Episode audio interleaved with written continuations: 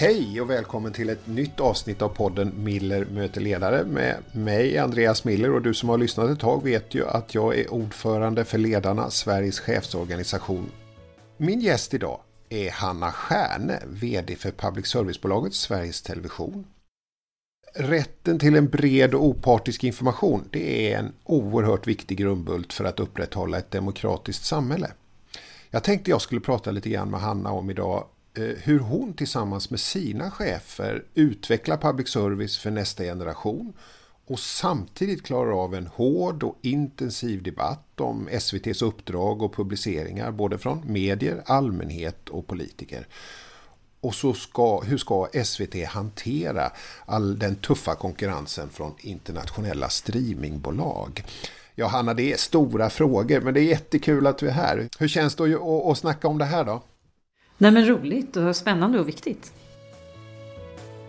Hanna Stjärne är utbildad journalist med en lång bakgrund inom public service. Efter studierna började hon jobba som reporter och nyhetsankare på Sveriges Radio. Under sina 17 år på SR var hon bland annat utrikeskorrespondent, men hade också flera chefsroller, bland annat som inrikeschef på Ekot och var, när hon utsågs, den yngsta chefen för kanalen P1. 2011 blev Hanna Stjärne VD och chefredaktör för Uppsala Nya Tidning-koncernen. Sedan 2015 är hon VD för Sveriges Television. Hanna Stjärne har vunnit flera priser genom åren, bland annat Årets bästa kvinnliga mediechef 2010. Det där är lite grann av din bakgrund, men det kan ju vara schysst att berätta att du och jag har jobbat ihop inom Sveriges Radio långt tillbaks i tiden. Och du var ju nästan min chef ett tag faktiskt. Mm. Mm. Eh, men innan vi kommer in, eh, eller vi kom ju in du och jag samtidigt i public service nästan och i journalistiken. Men om du skulle flytta dig tillbaks dit när du klev in, om någon då sagt att du kommer bli VD eh, vid 46 års ålder för Sveriges Television och sitta på posten i minst sex år. Det är så länge du har suttit nu. Vad, vad skulle du ha svarat då? Jag hade blivit väldigt överraskad. Jag har, jag har fått liknande frågor ibland. Då har det ofta handlat om sådär, vad skulle Hanna 14 år ha tänkt? Om hon visste att hon eh, som vuxen skulle ha en sån här roll. Eh, och hon hade ju blivit väldigt överraskad. Eh, för när jag växte upp så hade jag ingen kontakt med journalister. Jag hade aldrig träffat någon journalist, det fanns ingen runt omkring mig, det fanns ingen i släkten, det fanns ingen runt familjen. Ehm, så hade man frågat Hanna 14 år så hade hon blivit väldigt förvånad. Men jag tror att Hanna 14 år också hade tänkt att det hade varit ett väldigt roligt jobb. Mm. Men du, om vi flyttar dig framåt då. När du klev in i journalistiken och du var reporter och du var journalist så att säga initialt. Vad, vad var det då, eh, om du tänker där att någon hade sagt till dig, nej men du kommer inte göra så mycket inslag i din karriär. Du kommer att se till att andra gör det och skapa förutsättningar. Vad hade du tänkt då? När jag började jobba som journalist så var det, det var nästan som en förälskelse. Jag tyckte det var så ofantligt spännande och roligt att vara mitt i de diskussioner som är på en redaktion. Att få gå ut, jag var ju radioreporter då, eh, att få gå ut med mikrofonen och, och prata med människor och ställa, ställa massa nyfikna frågor. Jag tyckte det var fantastiskt. Ehm, men sen fick jag frågan när jag var väldigt ung, jag var ju bara strax över 20 när jag fick frågan första gången om jag ville gå in som arbetsledare. Och eh, tänkte då mest att jag som reporter såg saker som jag tänkte att man kanske skulle kunna göra på ett annorlunda sätt. Man nog skulle kunna göra på ett, på ett bättre sätt. Och när jag då fick, fick frågan om jag, om jag ville hoppa in och faktiskt fick chansen att, att kunna påverka det så, så bestämde jag mig för att säga ja. Och sen, jag fick ju den här frågan när jag var så pass ung. Eh, och så pass liksom ny också in i, i jobbet. Och väldigt snabbt som arbetsledare så upptäckte jag också hur spännande och roligt det var att se människor växa, göra nya saker, sträcka sig, prova och göra någonting som man inte har gjort tidigare. Eh, och, och det har drivit mig väldigt mycket sedan dess. Du, om du skulle liksom definiera då dina bästa chefsegenskaper, vilka, om, du, om du själv får säga det där. Många säger nej men det får andra avgöra. Men nu, nu ställer jag ändå frågan till dig. Vad, vad skulle du säga, vad är dina bästa chefsegenskaper? Men jag är en, en drivande person eh, och i grunden så har jag en väldigt eh, starkt publicistiskt driv och en publicistisk kompass som jag har stor nytta av i det här jobbet. Eh, och, och sen blir jag verkligen ärligt som gladast när jag ser människor runt omkring mig växa. Och jag försöker också rekrytera starka personer som, som på riktigt kan mer än jag. Eh, och tycker det också är väldigt roligt att bygga, bygga en grupp. Eh, det är ju väldigt spännande som chef när man, när man lyckas komma i sådana lägen så att ett plus ett blir mer än två. När människor i en grupp gör varandra större och åstadkommer mycket, mycket mer tillsammans än vad de skulle kunna göra var och en för sig. Och, och sen tror jag, och det kan ju vara både en fördel och en nackdel, men jag kan vara också, jag är, jag är rätt snabb i startblocken. Och hyfsat bra på att tänka i längre bågar också. Försöka tänka vad, vad som ligger runt hörnet. Hur ska vi tänka långsiktigt? Och en annan sak som jag tror som, som man inte ska underskatta som chef är också att jag har ganska lätt för att koppla av. Ehm, jag går gärna och tar en, en springtur och har oftast lätt för att sova. Det kan låta som banala saker men som chef har jag haft väldigt nytta av det. Det kan jag verkligen förstå. För sömn är en underskattad vara kan man säga. Du, men när Stockholms handelskammare nyligen utsåg 33 kvinnor som förändrat huvudstaden och omvärlden. Då hamnade du på listan med epitetet informationsbossen. För de som inte känner dig, är, är du lite bossig liksom? Nej, det, så som, det är klart att det finns lägen som man, när man som chef måste gå in och, och peka med hela handen och säga så här, nu, nu gör vi på det här sättet. Men generellt sett, nej. Eh, jag tror att få skulle beskriva mig som en bossig person. Jag vet inte, vad tänker du? du vi har ju jobbat ihop. Nej, jag skulle inte beskriva dig som en bossig person. Men jag kanske skulle beskriva dig som en ganska tydlig och envis person. Ja, så kan det nog vara. Om det är så att jag ser och tror på riktigt att en fråga är, är extra viktig, då, då är jag beredd att driva den. Mm, mm. För det, det kunde jag ju känna i, i liksom att du, du, var det något du var övertygad om, då drev du det liksom. så. Eh, eh, men du, du har ju ingen över dig förutom SVTs styrelse förstås, som utser vd. Eh, hur upplever du det, att vara på den där positionen liksom längst upp? Ja, det, eh, det är klart att i en sån här roll så finns det ju vissa frågor som man, som man alltid är, är ensam med. Eh, de beslut som jag kan bolla med andra, de bollar ju mycket med min ledningsgrupp och med andra kloka personer och, och tar råd och tar hjälp och Eh, framförallt så försöker jag lyssna så mycket jag kan på, på tittare, lyssna av och försöka förstå vad som är viktigt för, för publiken och hela tiden ha ett liksom stort, stort öra där. Eh, men det är klart att, att eh, som VD så är det ju ofta de allra svåraste besluten som når mig. Eh, de beslut som är, som är lättare att fatta, de, de ska ju andra ha mandat att fatta. Men ofta är de här besluten som står och väger, som verkligen är så här 50-50 eh, åt vilket håll man ska gå som, som når mig. Och de, de är man rätt så ofta eh, ensam i. Hur hanterar du den ensamheten? Men några saker som är väldigt så praktiska. För mig har det funkat bra att, att gå ut och springa en tur. Eh, många säger att de tänker bra när de springer, så är det inte för mig. Men däremot så brukar jag, jag brukar få proportioner på saker. Eh, om jag har gett mig ut och sprungit en tur så brukar jag oftare efteråt liksom se vad, vad är egentligen den stora saken, vad är en mindre sak i en fråga. Och på samma sätt så brukar jag också tänka att jag ska sova på saken. Eh, att så här, det är få beslut som du verkligen, verkligen måste fatta precis i sekunden. Ofta så kan du åtminstone bildligt eller bokstavligt ta, ta liksom, se till så du kan sova på saken. Att du kan tänka ut hur du tror att du ska göra på kvällen och så lägga dig och så går du upp på morgonen och så lyfter du upp frågan igen och tänker okej, okay, var det så här eller var det inte så här? Vilken väg är det som, jag, som jag tror är den absolut bästa?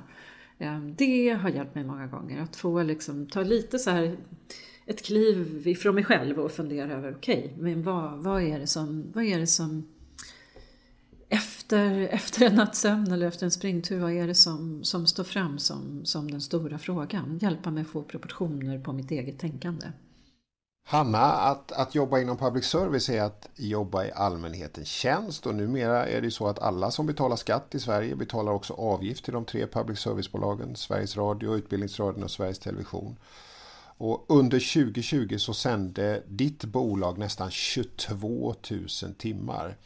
Ungefär 9 av 10 svenskar använder SVT på något sätt varje vecka. Det är ju ett enormt genomslag och ett, ett väldigt stort och ansvarsfullt uppdrag. Vad, om du skulle säga, vad är den största utmaningen med att navigera en sån här atlantångare, om man får uttrycka det så? Det är ju inte en lätt sak att vara hela Sveriges Television. Det gör ju att det stormar mycket kring SVT. Alla har ju åsikter och diskuterar jättemycket. Och Just det där, det är klart, det är klart att vi, man kommer inte alltid gilla allt på SVT. Det vore ju konstigt om det var så. Men jag hoppas ju att alla ska kunna hitta någonting som de fastnar extra för. Och som känner att ja, men det, där, det där är mitt program. Och det, det är nästan det stora och det svåraste med det här jobbet. Så är det ju den här stora, stora berättigade förväntningarna som man ska kunna ha på, på hela Sveriges Television. Eh, och det är svårt ofta. Eh, och ibland då när det blir rätt så, så blir jag ju extra glad. Jag hörde också häromdagen en dragning som, från Ungdomsbarometern där man hade tittat på, inte bara på ungdomars mediekonsumtion utan när man tittat liksom på, på alla, alla vuxna. Eh, och då hade, hade de bett människor ranka olika streamingtjänster och då blev SVT Play den streamingtjänst som fick absolut högst betyg i en rad olika kategorier. Inte minst när det handlade om att lära sig saker. Så man kände att man blev mer allmänbildad när man hade tittat på SVT Play och det gjorde mig också extra glad. För det vi har som vision på SVT så så har vi sagt att vi vill bidra till ett Sverige där alla är mer nyfikna och insatta. Och att vara insatt, det handlar ju om att, att lära sig saker, att få, liksom ny, få kunskap, att ha, känna, sig, känna att man har en stabil kunskapsbas. Um, och att vara nyfiken är också, tror jag, en god drivkraft i samhället. Man blir nyfiken på uh, den andra, vem än den andra är. På att så här, på riktigt förstå hur, hur andra människor funkar och hur de tänker. Och, sätta sig in i deras världar. Eh, och när vi kan bidra till det, det, det, det gör ju mig extra glad. Och det är ju så, public service är ju ständigt föremål för debatt och diskussion. Och ska väl så vara, tänker jag. Och det finns ju partier i vår riksdag som vill begränsa och smalna av public service. Och det finns partier som vill bevara public service och betona dess stora betydelse. Det finns liksom en palett där av åsikter. Hur förhåller du dig som vd till den, den politiska debatten? Det finns ju, SVT jobbar ju utifrån ett sändningstillstånd. Eh, mm. Det, sätter ju, det sätter ju ramarna. Där sägs det, liksom, det är stora ramar men det sägs det här, det här är det SVT ska göra. Eh, det sätts en hel del mål som vi ska uppfylla och det här sändningstillståndet som som gäller nu, det gäller i sex år. Och vi jobbar ju stenhårt för att uppfylla det. Och besluten om, yttersta besluten om hur det här sändningstillståndet ska se ut, det tas ju av politiken. Eh, och det är klart att liksom i en diskussion om ett sändningstillstånd eh, så där, där sätter ju politiken ner foten och säger det är de här ramarna ni ska verka inom och på bolaget så jobbar vi på att uppfylla det så mycket vi kan. Så där förhåller vi oss till politiken men annars så liksom Annars så är jag väldigt lite upptagen av politiken och väldigt upptagen av publiken. Eh, för det är liksom publiken som är hela tiden, det är publiken vi följer. Vad är det som är viktigt för människor i Sverige? Eh, vad är det för frågor som, som eh, de lyfter? Vad är, det, vad är det människor har för behov som, som vi kan hjälpa till att uppfylla? Och det där har varit så otroligt påtagligt det senaste året. Alltså när vi alla har levt liksom på ett speciellt sätt och med pandemin som har begränsat livet på så många olika sätt så har, där, har vi, där har vi ställt om blixtsnabbt på SVT och försökt liksom svara upp mot de behoven. Mm. Även om du, jag förstår att du har fokus på publiken så är det ju så att den politiska debatten är ganska intensiv och det finns mycket som jag sa, åsikter åt bägge håll och så. Men vad är du mest orolig för som vd för ett public service-bolag? Om du tittar på vad, vad, är, vad är du mest orolig för skulle kunna hända? Nej, men jag, jag kan ju vara orolig för att politiken skulle välja att kliva närmare journalistiken. För det man måste ha med sig hela tiden är att liksom en helt central uppgift för journalisterna på Sveriges Television det är ju att granska makthavare av alla slag. Eh, och att granska politiken. Och de måste känna full och stor frihet i det. Och att det, det de gör är primärt att ställa publikens frågor. Eh, och gå till botten med saker som borde vara bättre i Sverige.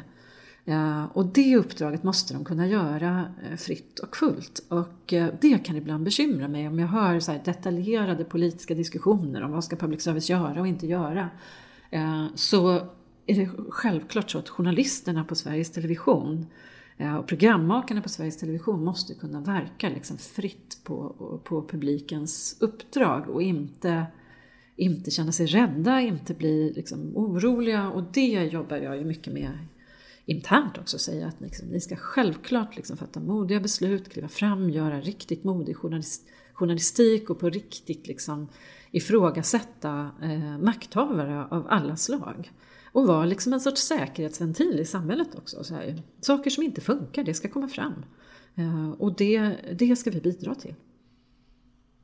Mediebranschen har ju de senaste åren genomgått en, en enorm scenförändring. Jag, jag, jag, tänker under de åren som jag befann mig i den så ja, det hände ju enormt mycket. Men, och det händer fortsatt väldigt mycket. Väldigt många, eller alla, sänder väl idag direkt vid stora nyhetshändelser. Det gäller att vara med i nyhetsracet. Hur viktigt är det för en tv allmänhetens tjänst som du driver att vara först med det senaste? Jag skulle vilja vända på frågan. Vi försöker ju tänka så här hur viktigt det är för, för publiken att SVT berättar vad som händer när det händer. Eh, och det tror jag är viktigt. Eh, det innebär ju inte alltid att vi är liksom först med det senaste, men jag tror i liksom den här eh, i liksom hela medieutvecklingen som den har sett ut nu så tror jag att det är viktigt att vi, vi är med och sänder direkt i de stora nyhetshändelserna. Och det här var en sån sak som, Eh, som var liksom en ganska dyrköpt läxa på, på SVT. När terrordåden var i Paris, det är ju några år sedan nu, då var vi väldigt sena med att komma igång med, med en direktsändning. Det tog, det tog flera timmar innan vi var uppe och liksom hade en tv-sändning igång. Eh, och då, det var ett sånt här tillfälle när, när jag gick in och var kanske lite bossig då men sa att så här kan vi inte ha det. Vi måste, vi måste kunna hjälpa människor att förstå vad det här handlar om mycket snabbare. Vi måste komma upp snabbare med, med sändningar när det är stora saker som händer. Och det har vi jobbat med mycket sedan dess. Så om man tittar på till exempel terrordådet på Drottninggatan eh, några år senare så var vi uppe inom några minuter och sände, sände direkt.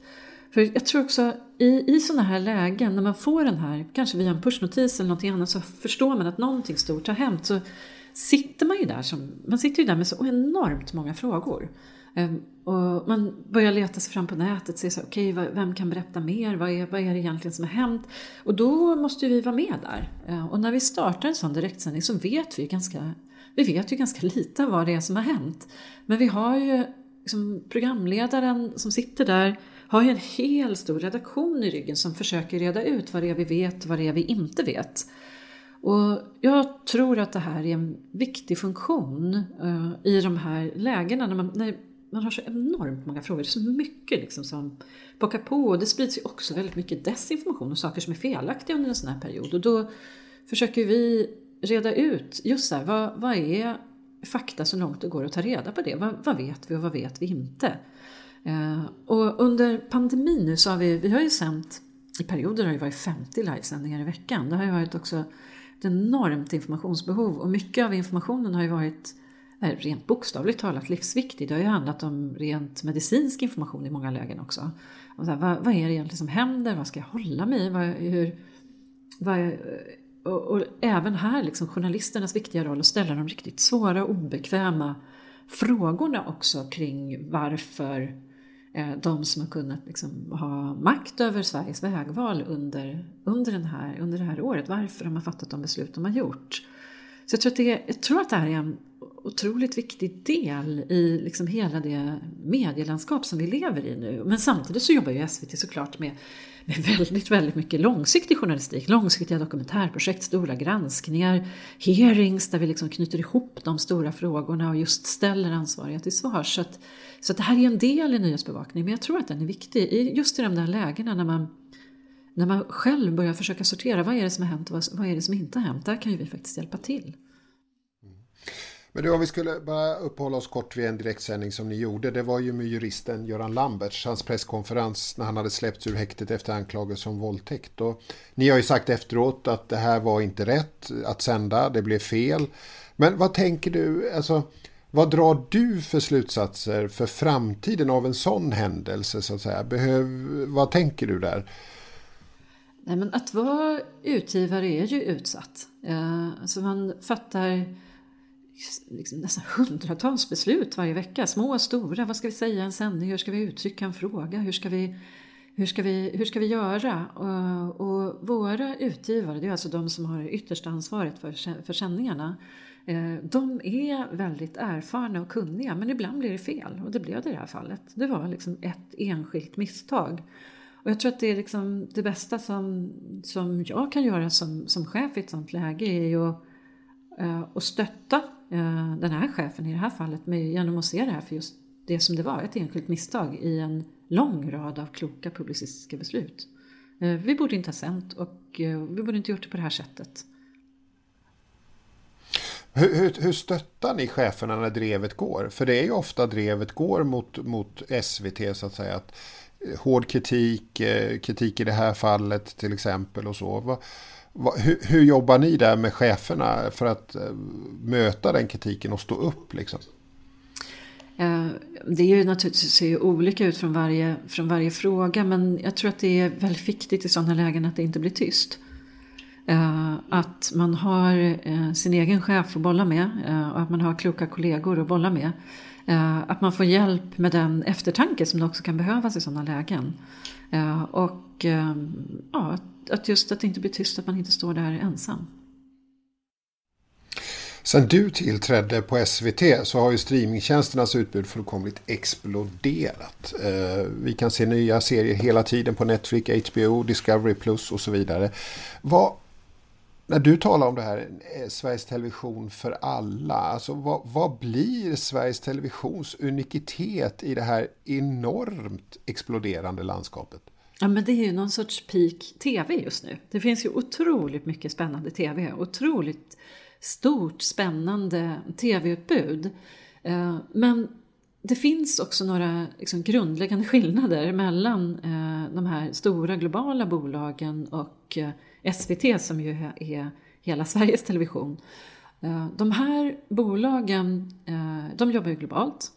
Eh, de har förstås liksom budgetar som inte SVT kommer i närheten av när de gör stora, stora globala satsningar. De gör ibland satsningar i Sverige. De gör ju det ytterst för att de det är liksom en del av deras affärsmodell. De ser att de kan sälja abonnemang och de kan hoppas kunna sälja fler abonnemang genom att ha svenska serier eller nordiska serier då och då. Men det kommer ju liksom alltid vara en sidogrej för dem. Eh, deras, deras stora eh, huvudtanke är ju mer global. Det är ju att nå många tv-tittare och kunna sälja, därför kunna sälja många abonnemang globalt. Liksom. Eh, SVT har ju en helt annan drivkraft. Vi, vi är ju till för människor i Sverige. vi kommer alltid att ha liksom ett svenskt perspektiv. vi kommer alltid jobba med svenska produktioner. Vi kommer alltid jobba med svenska kreatörer. Det är ju liksom basen. Eh, och om de här andra bolagen ibland gör nedslag i Sverige, eh, gör bra nedslag och gör bra serier så kommer vi alltid att finnas här. Det här är ju vårt hemma. Det som för dem är en, ett extra tillskott i deras affärsidé, eh, deras globala affärsidé, är ju hemma för oss. Så i grunden är det väldigt, väldigt annorlunda och det innebär ju också att vi, vi jobbar med att hitta riktigt, riktigt bra svensk TV. Att jobba såklart med de mest kreativa, de allra, allra bästa eh, svenska kreatörerna. Men också ge nya en chans. Eh, att dammsuga efter ny talang, att ge liksom, eh, människor en chans. Kreativa människor som har potential att få testa för första gången. Eh, så att vårt uppdrag blir ju bredare och och finns ju också där över tid. Det är ju också en annan skillnad. Precis som du sa så har ju de här, de här streamingtjänsterna inte funnits här så länge. Just nu är det här en del, en del av deras affärsstrategi. Att då och då göra svenska serier och göra det bra. Eh, men det kan också ändras över tid. SVT kommer ju alltid finnas här. Eh, och det är ju spännande att tänka på också. Man ser jag, jag tillhör generationen som är uppväxt med fem myror. Det kommer alltid vara liksom en, stark, en stark sak för mig, någonting som jag bär med mig. Eh, min dotter, eh, hon är ju uppvuxen med eh, Sommarlov och Sommarskuggan och draken. Hon har ju med sig andra typer av minnen. Men allt det här finns ju kvar. Allt det här bygger ju på något vis en, en sorts gemensam en gemensam historia eh, som, som är mångfacetterad, för den ser olika ut vem, beroende på vem man, vem man är och hur man, hur man ser på det. Men, men någonstans så dokumenterar ju SVT Sverige också. Eh, genom SVT finns de, de stora ögonblicken dokumenterade från månlandningen och framåt när TV startade i Sverige. Eh, och det är ju någon sorts gemensam skattkista för alla, för alla i Sverige som kommer att finnas där över tid och som inte är liksom idé av, en del i en stor global affärsidé som kan ändras eller görs av ett bolag som kan bli uppköpt av någon annan. SVT kan man säga ytterst ägs av alla i Sverige. Eh, så på det sättet finns det liksom helt grundläggande skillnader som också syns i utbudet. Eh, den 11 maj i år så presenterar ledarna FKL-listan för 15 året i rad. Det är en lista på 75 unga kvinnor som är framtidens ledare. Du var själv den rekordyngsta P1-chefen när du utsågs 33 år gammal 2002. Hur var det för dig eh, som så ung få en sån hög chefsposition? Hur var det? Men det är lite, du är faktiskt den första som frågar det. Eh, när jag började som P1-chef då så fick jag fick många frågor om hur det skulle vara att vara kvinna och P1-chef, vilket var lite märkligt för mina två företrädare hade varit kvinnor. Men det var faktiskt ingen som frågade hur det var att vara ung. Det, jag, jag har tänkt på det ibland genom åren, att det var lite märkligt att ingen gjorde det, för jag var ju faktiskt, jag var ju eh, var, jag var nästan hälften så gammal som min företrädare, så det var ju en stor skillnad i ålder. Och det är klart att, det är klart att jag saknade en del erfarenhet eh, då, men jag jobbade med riktigt bra personer. Eh, som kompletterade mig och som jag kunde ta hjälp av.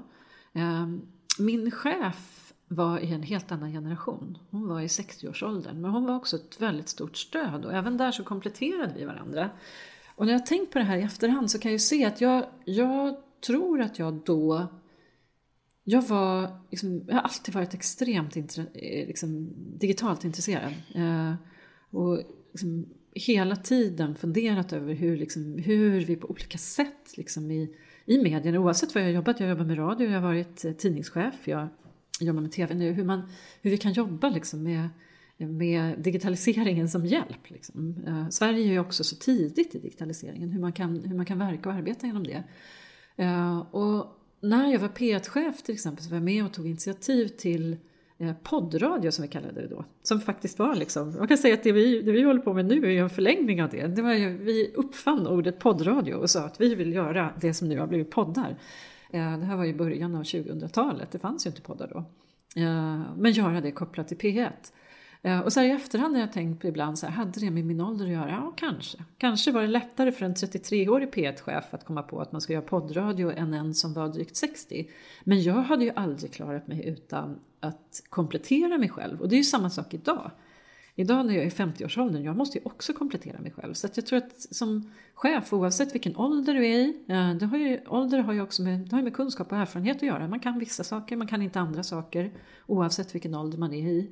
Eh, så behöver man ju komplettera sig. Och man måste ju liksom omge sig med riktigt bra personer som kan mer än en själv. Du, ung kvinna var det då. Kan, det låter ändå på dig som att som att du mötte egentligen inga negativa attityder att du var ung. Nej, inte, alltså inte så mycket egentligen relaterat till ålder. Eh, Eh, utan eh, nej, det var inte så mycket relaterat till ålder skulle jag säga faktiskt som jag, som jag mötte då. Förvånansvärt kanske, men eh, så, så var det inte. Och det är, ju, det är ju jättepositivt. Det är ju väldigt bra att det är så. För vi, vi ser ju ibland när vi gör undersökningar och pratar med unga chefer att de kan uppleva så att säga en attityd att de är unga och har inget att bidra med nästan. Alltså den känslan kan de få. Och det är ju jättebra att, att du inte hade den känslan. Men du, när vi när vi talar om det här med FKL så handlar det ju, det handlar ju om jämställdhet. Det handlar ju om att vi vill att liksom, vi ska kompetensrekrytera chefer, inte på kön. Utan vi ska faktiskt rekrytera dem utifrån kompetens. Vi kan konstatera när vi tittar på jämlikheten, att, eller jämställdheten, att ju högre upp i hierarkierna man kommer, om man uttrycker sig så, så ökar ojämlikheten eller det är inte lika jämställt. Du är liksom högst upp, du är kvinna och chef på Sveriges Television. Vad, vad skulle du säga, vad behöver göras för att öka jämlikheten? Jag tror att man alltid måste se på det på ett lång, som ett långsiktigt arbete. Det är ju faktiskt så, jag är ju fjärde kvinnliga vd i rad på SVT. Eh, och SVT och, och, även SR och UR har ju liksom en, en lång historia av att ha, ha jobbat med just jämställdhetsfrågor. Ehm, det är faktiskt mer än hälften av cheferna på SVT som är kvinnor just nu. Ehm, och ehm, jag tror att man alltid måste tänka att det här är ett långsiktigt arbete. Och så tror jag att man måste börja tänka också på kanske en del andra aspekter än vad man har gjort. Vilken typ av roller kliver kvinnor in i? Vilken typ av roller kliver män in i? Eh, så att, man inte, att det inte blir schablonartat där. Om jag tittar liksom på vår ledningsgrupp på SVT så är ju den, den, vår programdirektör som är ytterst ansvarig för programutbudet, det är en kvinna, det är en väldigt tung roll. Den som är chef över alla nyhets och sportmedarbetare, det är en kvinna. Eh, HR och kommunikation, en kvinna. Jag som är ytterst ansvarig, en kvinna. Eh, vi har en ledningsgrupp som är hälften hälften, kvinnor och män. Men man måste alltid fundera på just här, vilken typ av roller kliver man in i? Och jag är också extra glad över till exempel att vår eh, teknikledningsgrupp är jämställd. Det är ju ett område där, där det traditionellt sett har varit lättare, kanske tidigare, att plocka in män som har den kompetensen. Men vi har just nu en ledningsgrupp där det är lika många kvinnor som män som har liksom just de kunskaper och erfarenheter som krävs. Hanna, är, vi skulle kunna prata hur länge som helst, känns det som. Men du, en podd ska ju också ha ett slut, det tror jag du tänkte som P1-chef också, att poddarna kan inte vara för långa heller, de måste ha ett format. Liksom så.